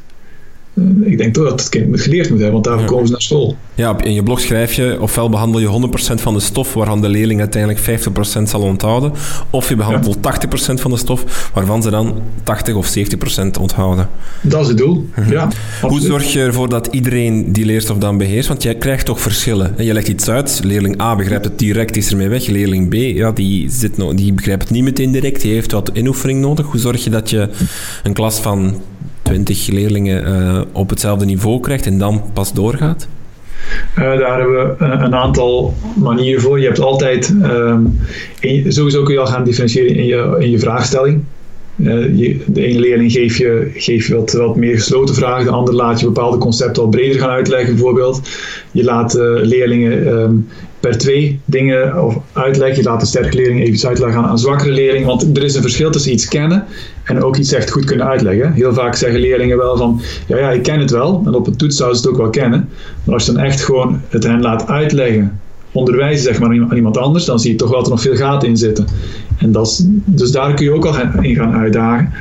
Um, en we hebben, we hebben ook maatwerkuren. We hebben het, het eerste lesuur op een dag is een maatwerkuur en daar, daarin bieden we eigenlijk alle vakken aan. En als ik zie in de les Engels dat een leerling dreigt af te haken, dan gaat hij meteen naar het maatwerkuur. Dus dan wordt hij in die week, kan hij meteen tot drie uur extra Engels krijgen om bijgewerkt te worden. Nou, dan zijn de meesten wel in die tijd bijgewerkt en dan kun je ze weer allemaal meenemen. Dus hoe werd dat in maandag? Op maandag merk jij van, oei, leerling A heeft dat hier niet door, ik ga hem inschrijven of ik geef hem een maatwerkuur en dan dinsdagmorgen zit hij in het maatwerkuur Engels? Ja, dan wordt hij meteen bijgespijkerd. En wat doe je dan met bijvoorbeeld een, een leerling die, die wel mee is en die geen maatwerk nodig heeft tijdens dat eerste uur? Die is gewoon vrij. Dus die heeft eerst niet naar school te komen. Oké. Okay. Krijg je dan niet want eh, de lat moet hoog liggen, dat, hoge verwachtingen. Maar je wacht eigenlijk op, de, op de, de zwakste voor je verder gaat. Ehm, Ja, want bijvoorbeeld, er is misschien wel een leerling die bijvoorbeeld... Hey, je ziet dan bijvoorbeeld maar 80% van wat je van plan was om te zien dit Ja. jaar. Hè, dat is nu een Ja. voorbeeld. Maar er was misschien wel een leerling die misschien wel 100% had kunnen begrijpen en zien, maar die is er dan niet geraakt omdat hij moest wachten op... allee, of hij moest wachten. Hij, hij, moet, hij, hij moet mee met de, met de zwakste. Eh, ja, ja je, maar je, dan ga ik er wel vanuit, dan doen we in, in de les ook, dat, dat je die leerling wel meer diepgaander laat leren. Dus dat je meer de diepte ingaat met, met, met die leerling. En klopt, je gaat niet alles behandelen. Het zou kunnen zijn dat die ene leerling alles had kunnen behandelen, die 100%. Maar ehm, je, je, hebt ook nog, je kunt ook nog de diepte ingaan met die stof. Hè? Mhm. En, en dat, eh, dat kan altijd, op elk vlak, met elke stof. Dus elk onderwerp kun je echt, nou eindeloos is veel gezegd, maar kun je echt heel ver uitdiepen, tot in detail. Nou, dat kun je met die leerlingen wel doen. Mhm. En die optie hebben, ze, hebben wij ook met de kinderen. Ze hebben allemaal een Chromebook, dat hebben ze nog van de, eh, van de vorige jaren ook. Dus een, een docent kan altijd verdiepende stof daarin aanbieden. Maar goed, als je in principe. De, de insteek is echt dat we, dat we geven les op het niveau van, van, de, van de betere leerlingen. Dus die zou in principe niet moeten wachten. Ja, ook bij Engels, leerlingen die in de Engelse les zitten, die, die, zal- die al best goed zijn in Engels, die leren nog steeds allemaal nieuwe woordjes en die, die vinden het ook niet, super, niet makkelijk. En die andere, die zwakkere leerlingen, die nemen we mee tot dat niveau door hen gewoon meer ondersteuning te geven Mhm. en die maatwerkuren. Dus we geven eigenlijk gewoon les op het niveau van de sterkste leerlingen. Mhm. En, Dat de, ja, en de zwakste krijgt dan extra hulpmiddelen of die moet dan eh, meer Ja. uren doen eigenlijk letterlijk. Kan het dan zijn dat bijvoorbeeld een leerling eh, die zwakker is vijf uur meer doet dan een andere leerling op een, in een week les? Eh, ja, ja, zou kunnen. Mhm. Ja, dat klopt. En zorgt dat er niet dat je telkens dezelfde leerlingen in die maatwerkuren ziet en, en dus dat dat ook extra druk of extra... ehm, ja, dat die ook een beetje door heeft van ik zit hier altijd dat eerste uur in die, in die maatwerkuren.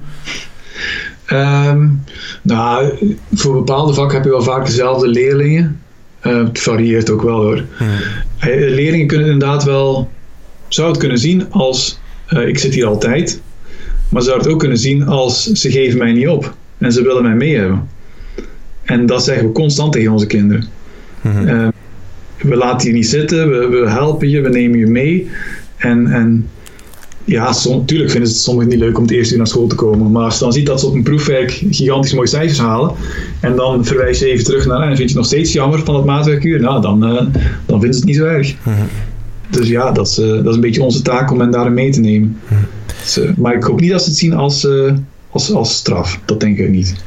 Jullie hebben eh, drie toetsweken per jaar. Hè? Want eigenlijk, eh, ik sprak al een paar keer over, je geeft een toetsje, maar eigenlijk doen jullie dat niet. Het zijn allemaal oefentoetsen, behalve drie weken per jaar. Daarin doen jullie, eh, toetsen jullie alles en het loopt op. Hè? Dus zoals beheersingsleren, in, week, Ja. na, in de eerste week moeten ze alles kennen van, dan tot, van september tot dan. In de tweede, de tweede week van september tot dan. En in de derde, dus eigenlijk op, op het einde van het jaar, hebben ze een toets van alles wat ze het voorbije jaar geleerd hebben. Ja, klopt. Dat is eh, heel hard ehm, eh, momentopname. Nog meer dan dat je bijvoorbeeld meerdere toetsen zou doen over in het jaar. Ehm, die, die, die, dat ene toetsmoment bedoel je Ja. als momentopname? Ehm, ja en, en nee, want je hebt ook heel veel, je hebt heel veel oefentoetsen natuurlijk. Dus je weet van tevoren, dat, dat, dat weet onze docent ook, als een leerling een onvoldoende haalt in, de, in die toetsweek, dan zouden wij als docent dat al lang van tevoren moeten zien aankomen. Dus dat weten we eigenlijk al. Dus Waar- waarom precies- doe je dan toch nog die toetsweken? Want eigenlijk ben je perfect op de hoogte van, van eh, het kunnen en het, het, het welzijn van die leerling. Hè, Ja. Want je bent constant bezig met, met eh, formatieve evaluatie. Hè, want je Mhm. moet die, die maatwerkuren toekennen en dergelijke. Mhm. Ehm, waarom doe je dan toch nog die drie toetsweken? Ja, dat is, dat is natuurlijk een goede vraag. Hè. je, hebt wel, je hebt altijd wel cijfers nodig ter verantwoording. Ja. Als het stukje verantwoording is het onderwijs nog niet weg te denken op dit moment. Als het zou kunnen, zou ik graag lesgeven zonder cijfers. Oké. Maar eh, ja, dat kan nog niet. Dus je moet wel altijd een, eh, een meetmoment hebben. En hoe, hoe pakken leerlingen dat op? Want dat lijkt me wel zo'n beetje hè, erop of eronder. Eh, het, is, het, is, het is dat moment dat je eigenlijk het, het halve jaar dat je hebt gewerkt en dat je dan moet, moet shinen of moet tonen wat je Ja. kan. Geeft Ja. dat extra stressdruk? Net niet. Net niet. Het geeft net. eh, kijk, als we ze niet goed zouden voorbereiden, zou het heel veel druk geven. Dan zou je echt kinderen hebben die, denk ik, met een trillend lipje het toetslokaal binnenkomen. Echt waar. had ik, ik was echt in die eerste toetsweek heel, heel benieuwd hoe dat zou zijn. En je ziet dat leerlingen gewoon heel zelfverzekerd dat toetslokaal binnenkomen, omdat ze al tig keer een oefentoets hebben gehad. Ze weten precies hoe ze ervoor staan. Ze kennen de stof echt heel goed. En dat weten ze van zichzelf ook dat ze het heel goed kennen. En dan zie je net minder dat er gewoon veel minder stress en druk is. En we hadden de, alle voorgaande jaren uh, hadden we faalangsttrainingen bij ons op school. Nou, de eerste faalangsttraining is nog niet begonnen op dit moment. Mhm. Dus die hebben we echt op dit moment, niet dat we ze zo, zo afgeschaft hebben gewoon. Maar er zijn gewoon op dit moment, er is één leerling waarvan ik weet, oké, die vindt het nog en toe spannend. Uh, en de andere leerlingen, ja, die gaan gewoon binnen en die maken een toets en die zijn, that's it. Ja, en de resultaten van de toetsweek zijn ook gewoon heel goed. Ik las zelfs op je blog dat er ouders hadden ja, geklaagd of, of vertelde dat, ze, dat hun, hun, kind niet had gestudeerd voor de toets, omdat hij eigenlijk... ja, had zo hard al... al door dat ja. beheersingsleren, je moet alles meepakken, je moet alles perfect beheersen voor je verder gaat. Was hij eigenlijk al perfect voorbereid, zonder ook maar te studeren alsof het een examen of een, of een, een summatieve toets is. Maar dat is ook, dat is ook het principe achter beheersingsleren en ook iets echt kunnen beheren, beheersen. Als jij een dag of twee dagen voor je toets moet gaan, gaan stampen en vervolgens maak jij een, toets heel goed en een, week later ben je het weer kwijt, in hoeverre heb je het dan geleerd? Ja, niet. Dus eigenlijk zeggen wij tegen onze leerlingen, zou eigenlijk op elk willekeurig moment zou je hier een proefwerk moeten kunnen maken van de toetsweek. Mhm. Je zou het gewoon moeten kunnen. En dat weten ze ook. Uh, en uh, ja, ouders zeggen inderdaad, die vinden het af en toe vreemd, want die zijn ook gewend dat een kind keihard uh, alles erin stampt. Ja, dat, dat gebeurt dus niet of veel minder. En uh, ja, dat is trouwens ook wel een ander puntje wat ouders wel heel moeilijk vinden. Um, is dat ze niet al die cijfertjes binnenkrijgen. Dus ze zien niet, zij zien niet constant hoe een kind ervoor staat. En dat vinden zij ook wel spannend. Mm En daar heb ik alle begrip voor. Mm Maar dat, uh, op dat vlak denk ik toch van heb een beetje vertrouwen in de professionaliteit van onze, onze docenten als we zien dat het de verkeerde kant op gaat, dan, dan, nemen we echt meteen contact op. Maar dat vinden ouders ook wel lastig. Anders zien ze natuurlijk wel. Kijk, dat, dat is ook wel iets wat we bij die oefentoetsen doen. Uh, die kinderen krijgen ook geen cijfer terug. Ze krijgen dus niet van ons terug, je hebt een 8 op 10 of een 9 op 10. Dat krijgen ze niet. Ze krijgen gewoon de, de, de, toets terug met de fouten de verbeterd of gewoon de bovengezeten. Er zitten zoveel fouten in. Ga zelf op zoek naar die fouten. Maar ze krijgen geen cijfer terug. Omdat we willen dat een leerling die een 4 haalt, die moet er gewoon keihard voor werken. Maar een leerling die een 8 haalt, die moet er ook nog steeds keihard voor werken om die foutjes eruit te halen.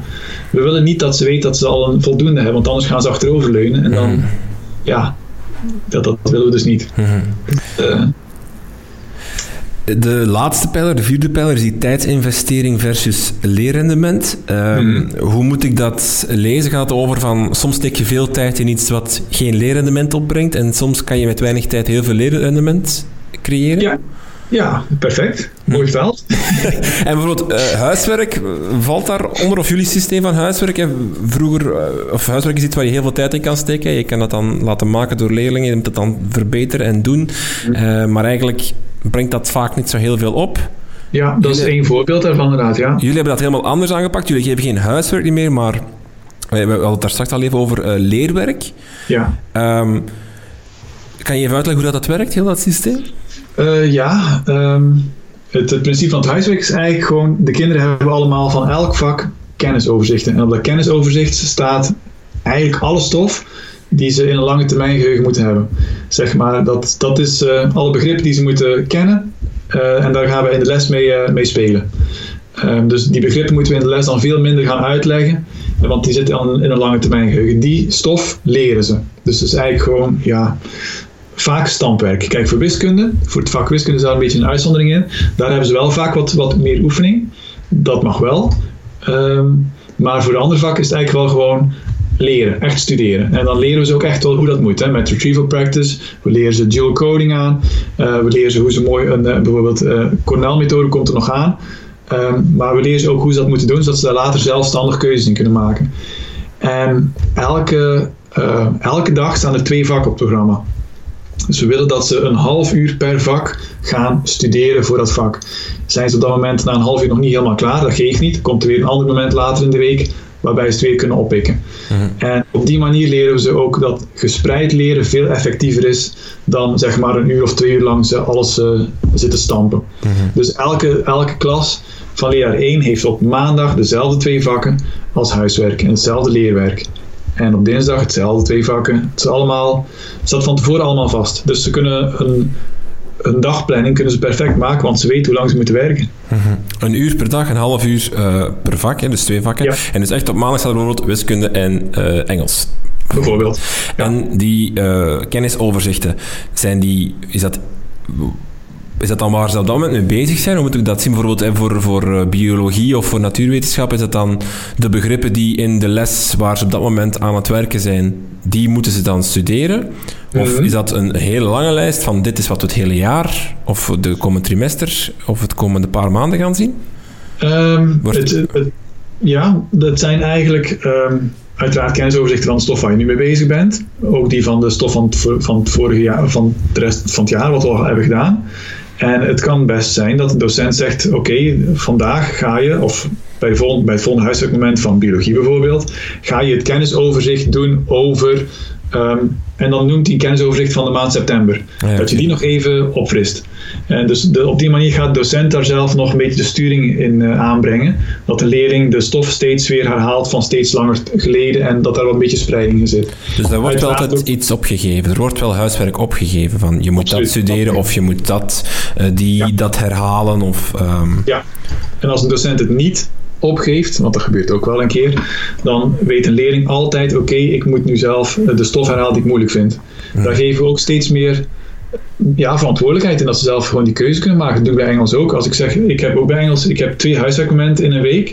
Het, het eerste huiswerkmoment leg ik heel duidelijk vast wat ik van ze verwacht, wat ik wil dat ze leren. Het tweede huiswerkmoment, dan laat ik ze bijvoorbeeld een, uh, de oefentoets zien. Ik zeg, kijk nu zelf waar je veel fout hebt gemaakt. Ik wil dat je dat onderdeel wat je moeilijk vindt, dat kennisoverzicht ga je herhalen. En ze hebben allemaal een huiswerkschrift. Dus al een huiswerk ze in hetzelfde schrift. En dan laten ze de volgende les aan mij zien wat ze hebben gedaan. Dat kan dus bij leerling A kan het gaan over de getallen, bij leerling B kan het gaan over de maanden, bij leerling C. Dus dat laten ze zelf zien. Maar ze laten wel zien dat ze op de juiste manier hebben geleerd, een fout hebben verbeterd en daarmee aan de slag zijn gegaan. Hmm. Dat laten ze wel zien. En dat is ook de manier hoe jullie dat controleren, hè? via het huiswerkschrift. En dan wordt er uh, af en toe iedereen of soms uh, steekproefgewijs gecheckt van heb je het gemaakt of niet. Ja, Klopt, soms doen we de hele klas. Soms is het ook gewoon met classcharts kun je ook gewoon willekeurig leerlingen aanduiden. Dan kies je er vijf en die, eh, daar loop je schrift even langs. Um, want het mag niet te veel tijd kosten. Mm -hmm. Ze moeten niet plannen, hè, de leerlingen, uh, van wat ze wanneer studeren. Uh, er zijn ook geen toetsen om naar te plannen, maar en ze moeten zelfs niet nadenken over welke boeken moet ik mee naar huis nemen of wat moet ik hier, uh, welk kennisoverzicht moet ik erbij pakken. Dat staat gewoon voor hen in, ingepland. Ja. Um, nochtans is, is iets wat, waar heel veel scholen op de, in een eerste jaar of in een tweede jaar middelbaar heel veel aandacht aan, aan geven, is net dat plannen en dat, dat ja. met agenda's en, en, schema's en dergelijke. Dat ja. nemen jullie weg. Nu nog wel, ja. Dat is een beetje het principe van we laten eerst zien hoe het moet. Ja, okay. Dus we laten hen zien hoe ze leerstof kunnen spreiden. We laten hen ervaren dat spreiden effectiever is dan het allemaal stampen op één moment. En we geven hen tools, nu verschillende leerstrategieën, hoe ze het kunnen maken.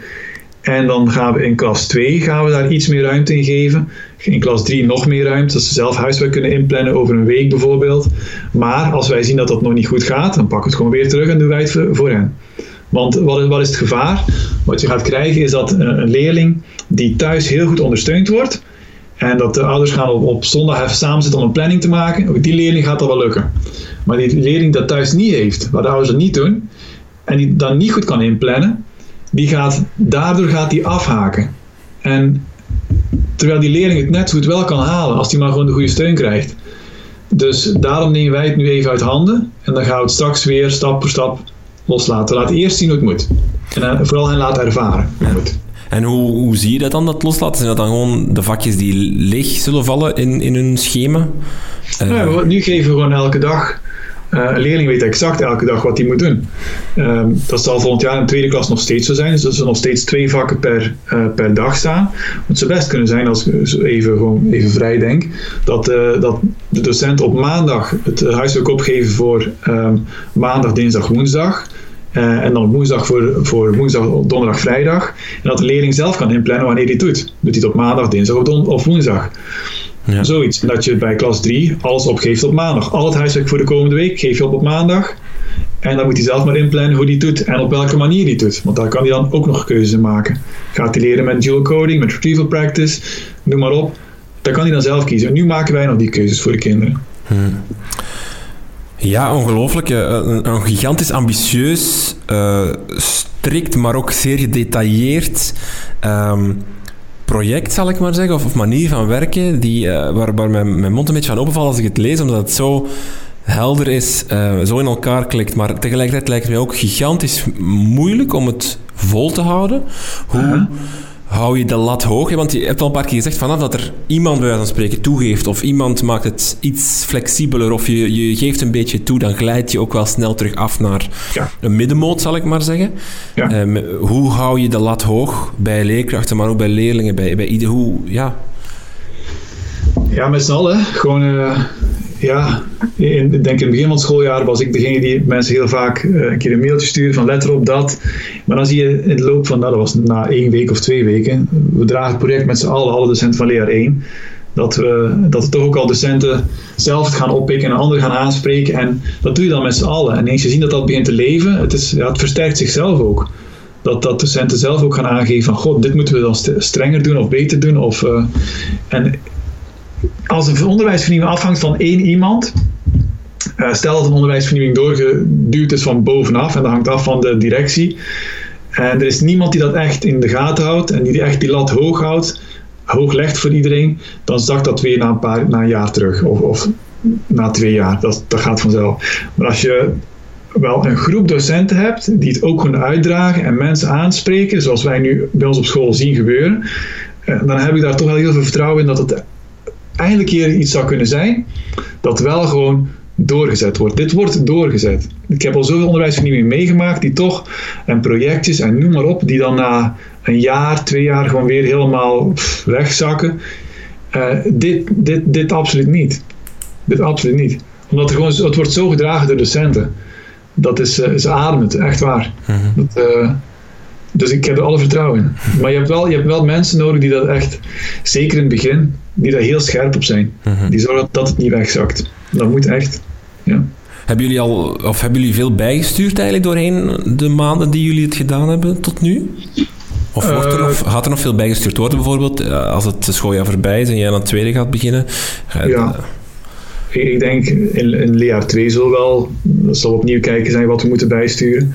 Maar ik, ik vind het mooie tot nu toe is, we hebben kleine dingen bijgestuurd, maar de grote, de, de pijlers die blijven gewoon staan.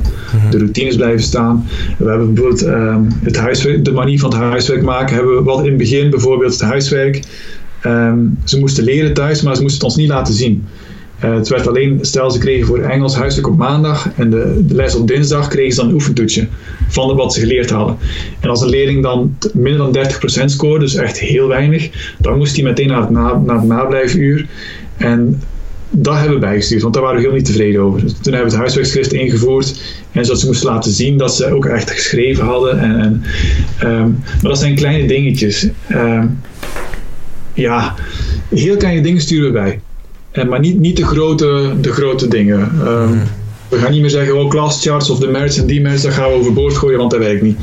Dat gaat echt niet meer gebeuren. Dat uh, toch niet, zeker niet als het van mij afhangt. Dat, uh, nee, dat gaat heel goed.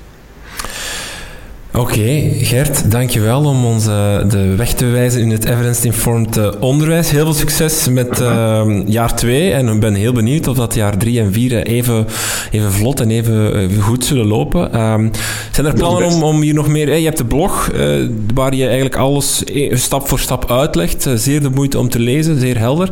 Zijn er plannen om nog meer naar buiten te treden met, met hoe jullie werken, wat jullie doen? ja, um nog meer naar buiten kijken. Mensen zijn altijd welkom bij ons op school. Dat staat ook in het blog volgens mij een, aantal keer. kom langs, kom kijken. Um, ik ga ook een paar keer op een research event, zeker ook die plaatselijke, ook even vertellen wat we doen. Dus uh, op, zo treden we wel weer naar buiten. Um, andere plannen zijn er op dit moment nog niet echt uh, concreet. Het is ook gewoon belangrijk dat we uh, laten zien dat het werkt. Mm -hmm. En we kunnen wel naar buiten gaan treden en zeggen van, oh, dit is het wat ik eerder ook zei, dit is niet uh, de holy grail.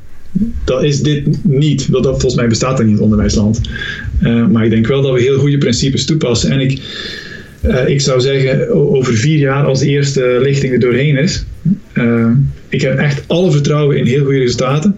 Als ik zie welk dat we nu bijna alle, nou, alle leerlingen kunnen meepikken naar, naar DR2, wat ook ongezien is. dat er niemand blijft zitten bijvoorbeeld. Ehm, ja, ik heb er echt alle vertrouwen in. En, en we, gaan, we gaan het zien. We gaan het zien. En eh, ik, ik, vind het ook, ik vind het ook spannend. Hè? Kijk, voor mij leerjaar 2 is, wordt ook weer spannend. Leerjaar 1 was ook spannend toen we daarmee begonnen. Maar ik had er wel vertrouwen in. En leerjaar, er zijn ook mensen die zeggen: oké, okay, leerjaar 3 en 4 wordt lastiger, want dan zijn ze al wat ouder, gaan ze puberen. Nou ja, ik, ik heb daar mijn twijfels bij. Dus ik weet dat ze gaan puberen, maar ik heb er mijn twijfels bij oh, dat het niet zou werken als je gewoon consequent blijft en gewoon meegaat met die kinderen. Dus uh, nou, dat komt wel goed, denk ik hoor. Echt waar. Oké. Okay. Gert Verbrugge, heel veel dank. Dankjewel.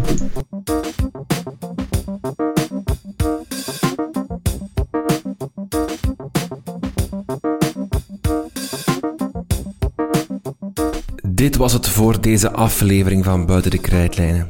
De avonturen van Gert en het Alfring College kan je volgen via www.bestadforchildren.home.blog. Wil je meer te weten komen over deze podcast, dan kan je ons volgen via Facebook, Twitter en Instagram. Links hiervoor vind je in de show notes van deze podcast.